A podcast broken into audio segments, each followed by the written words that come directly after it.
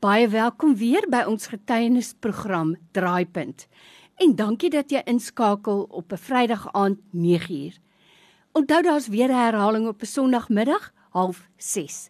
Ek is Lorraine Katske en ek wil regtig graag ook jou getuienis met ons luisteraars deel. Al wat jy moet doen is jy SMS net vir my die woord Draaipunt na 32716. Elke SMS kos R1 of jy kan ook vir my 'n WhatsApp stuur na 0844104104.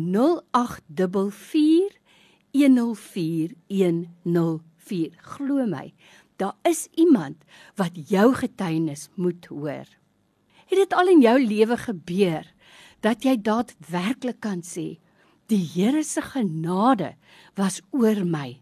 Dis net deur sy genade wat ek in hierdie lewe agtergebly het. Nou by my in die ateljee vandag het ek vir daai Ann Brown en ek wil vir jou sê dis ook 'n getuienis wat net weer vir ons bevestig dat God se genade oor ons groot is.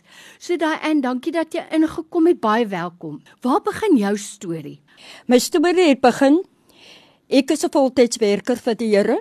Dit was my day in my maand en die dag na die Dinsdag. Ek het sommer net siek geraak. 'n donkerte het oor my gekom. Ek kon nie my kop oplig nie.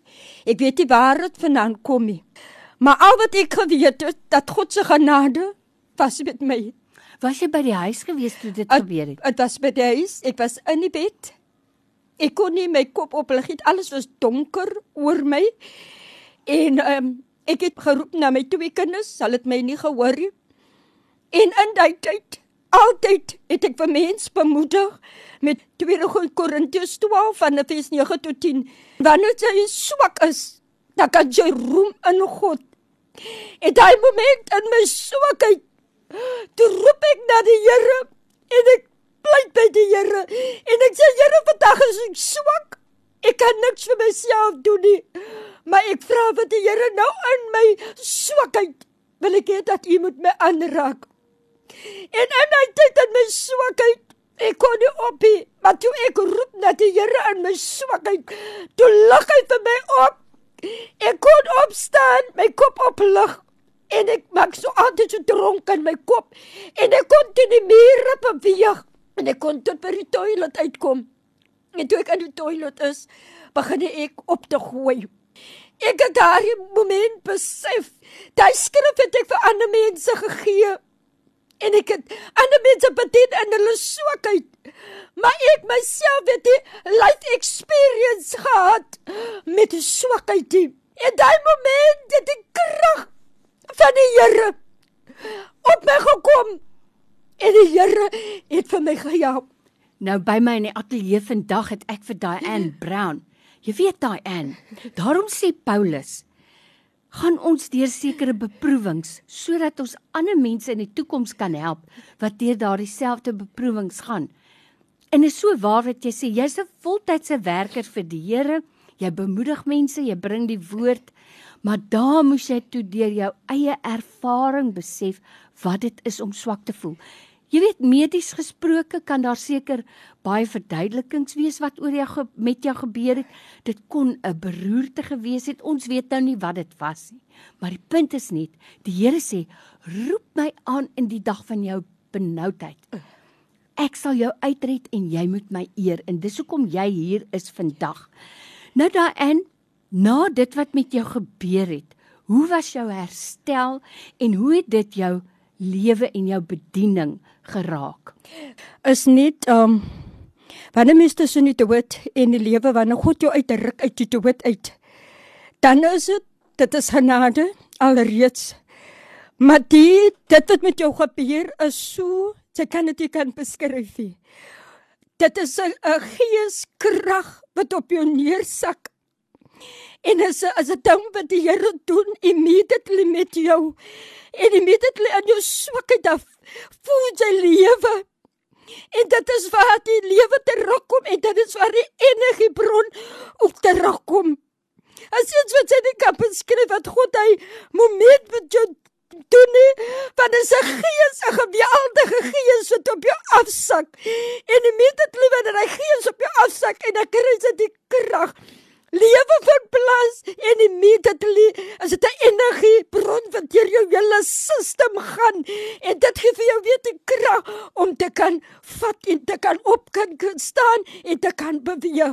Dit is maar net wat ek vir julle wil sê. God is amazing.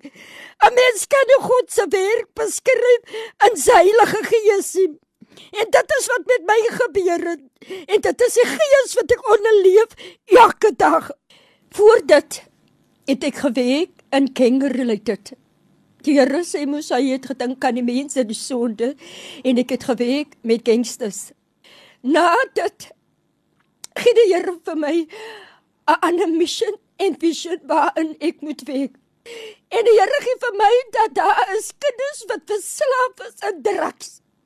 En die Here sê daar in kinders as die leiers wat wat nou te staande moet staan in kerke en oral. Die lewe wat die Here nou vir my gegee het met die trakverslaafdes. Ek dink hy se redding vir siele vir daardie kinders. Ek het geestelike lewe geleef en ek het gedoen wat ek moet gedoen het. Maar weet jy wat nou gebeur het? Nou as dit as ek het amper soos kontak elke dag met die Here homself. En dit is 'n ervaring wat ek nog nooit in my lewe gehad het. Om geestelik in te skakel met die Here. Dis soos wat wat Job sê, ek het altyd net van hoor sê van u gehoor, maar nou het ek u van aangesig tot aangesig gesien. So dit verander 'n mens se lewe en jou is, jou geestelike belewenis net daarin. Dit mm. is een hoe meer ek van die Here kry elke dag, hoe meer wil ek hê en hoe meer wil ek doen. Ek het vir Here gesê ek is bereid, ek het my bereikte skoene aangetrek. Ek is bereid om hom te dien met hierdie lewe wat hy my weer gegee het. Mm. Totdat dit kom by sê tot hier en verder. Dit is my second life. Ek is more excited to to serve God. Amen. En ek kan nie ek kan nie meer terugkyk nie. En as hierdie getuies mense lewens kan verander in die tyd wanneer jy nie weet wat ek kan doen nie. Ek het kom leer roep uit na die Here. Mm. En die Here, en sê dit was vir my so 'n ervaring. Immediately was die Here op my. En om immediately het sy krag gevoel. En dit sê as ek in die oggende wakker skrik, dan sê dankie Here, ek maak my oë oop. Ek sê dankie Here, ek lig my kop op. Ek sê dankie Here. U energie het my gebeweeg deur die mm, nag. Mm. En ek sê vir die Here, U is my recharge battery. Nou as daar iemand is wat na ons luister wat sê maar ek begeer so 'n persoonlike verhouding met die Here, so daaglikse wandel met hom. Watse woord het jy vir so 'n persoon? Is so lekker om 'n vriendskap te bou met die Here. Daar is ie wat ek nou in die tyd gevoel het in 'n down momentie. Onthou sis toe ek seer kry in dit in toe dit my brein aangeraak. Mm.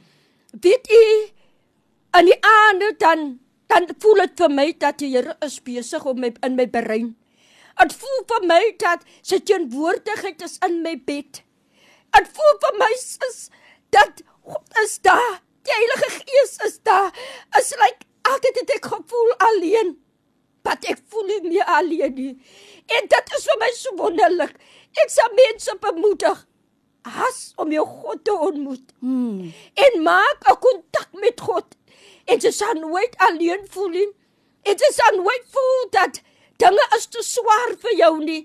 Want die Here is daar en hy hou net af. En hy hou net af. Soos ek staan een oggend op en ek voel nie lekker nie. En daai immediately Terwyl my gedagte dink hoe ek voel, immediately sê ek Jesus. En ek weet nie wat dit is om om 'n pyn te hê nie. Want ewen met dit wat ek teë gemaak het met my brein, daar was eenmal 'n pyn in my brein nie. God gee nog vir my daai lewe om te geniet. Mm. Van sy hand is oor my. Ek wil alles doen wat die Here op my pad stuur wat ek moet doen, wil ek doen. God soek mense wat bereid is om hom te dien. En God soek mense wat bereid is om vir die mense te vertel van sy liefde. Dis so waar Diane Brown wat hier by my in die ateljee is vandag. God beloof ons in sy woord: "Nader tot my en ek sal tot jou nader." En die beste plek om te ontdek wie God is en hoe groot hy is is deur sy woord hy het vir ons sy. Bybel gee. Nou wat vir my wonderlik is, jy werk in die veld van die Here. Jy lees die woord elke dag, maar nou het jy die woord self ervaar. So ek wil regtig vir jou sê dankie, Dankie. dat jy jou roeping uitlewe en dat jy gehoorsaam is aan die stem van die Here. En ek wil sommer vir jou as luisteraar ook vra, bid vir daai Anne Brown en as jy iewers raakloop, bless haar, seën haar, want sy het haar skoene aangetrek met die bereidheid om die Dankie. evangelie van die Here uit te dra. En jy's reg daai Anne, die kinders van vandag is die leiers van môre in die kerk. So die duiwel wil nie dit hê nie. Dit is Hy gaan probeer om hulle van hulle bediening te beroof. En daarom sê ek vir jou ook dankie. Dankie dat jy die nuwe taak wat die Here op jou gelê het met energie met ywer gaan uitleef en ek weet die Here sal jou seën op jou pad. Dankie. So dankie vir jou getuienis vandag en dat jy kom inloer het. Ons waardeer dit. dankie.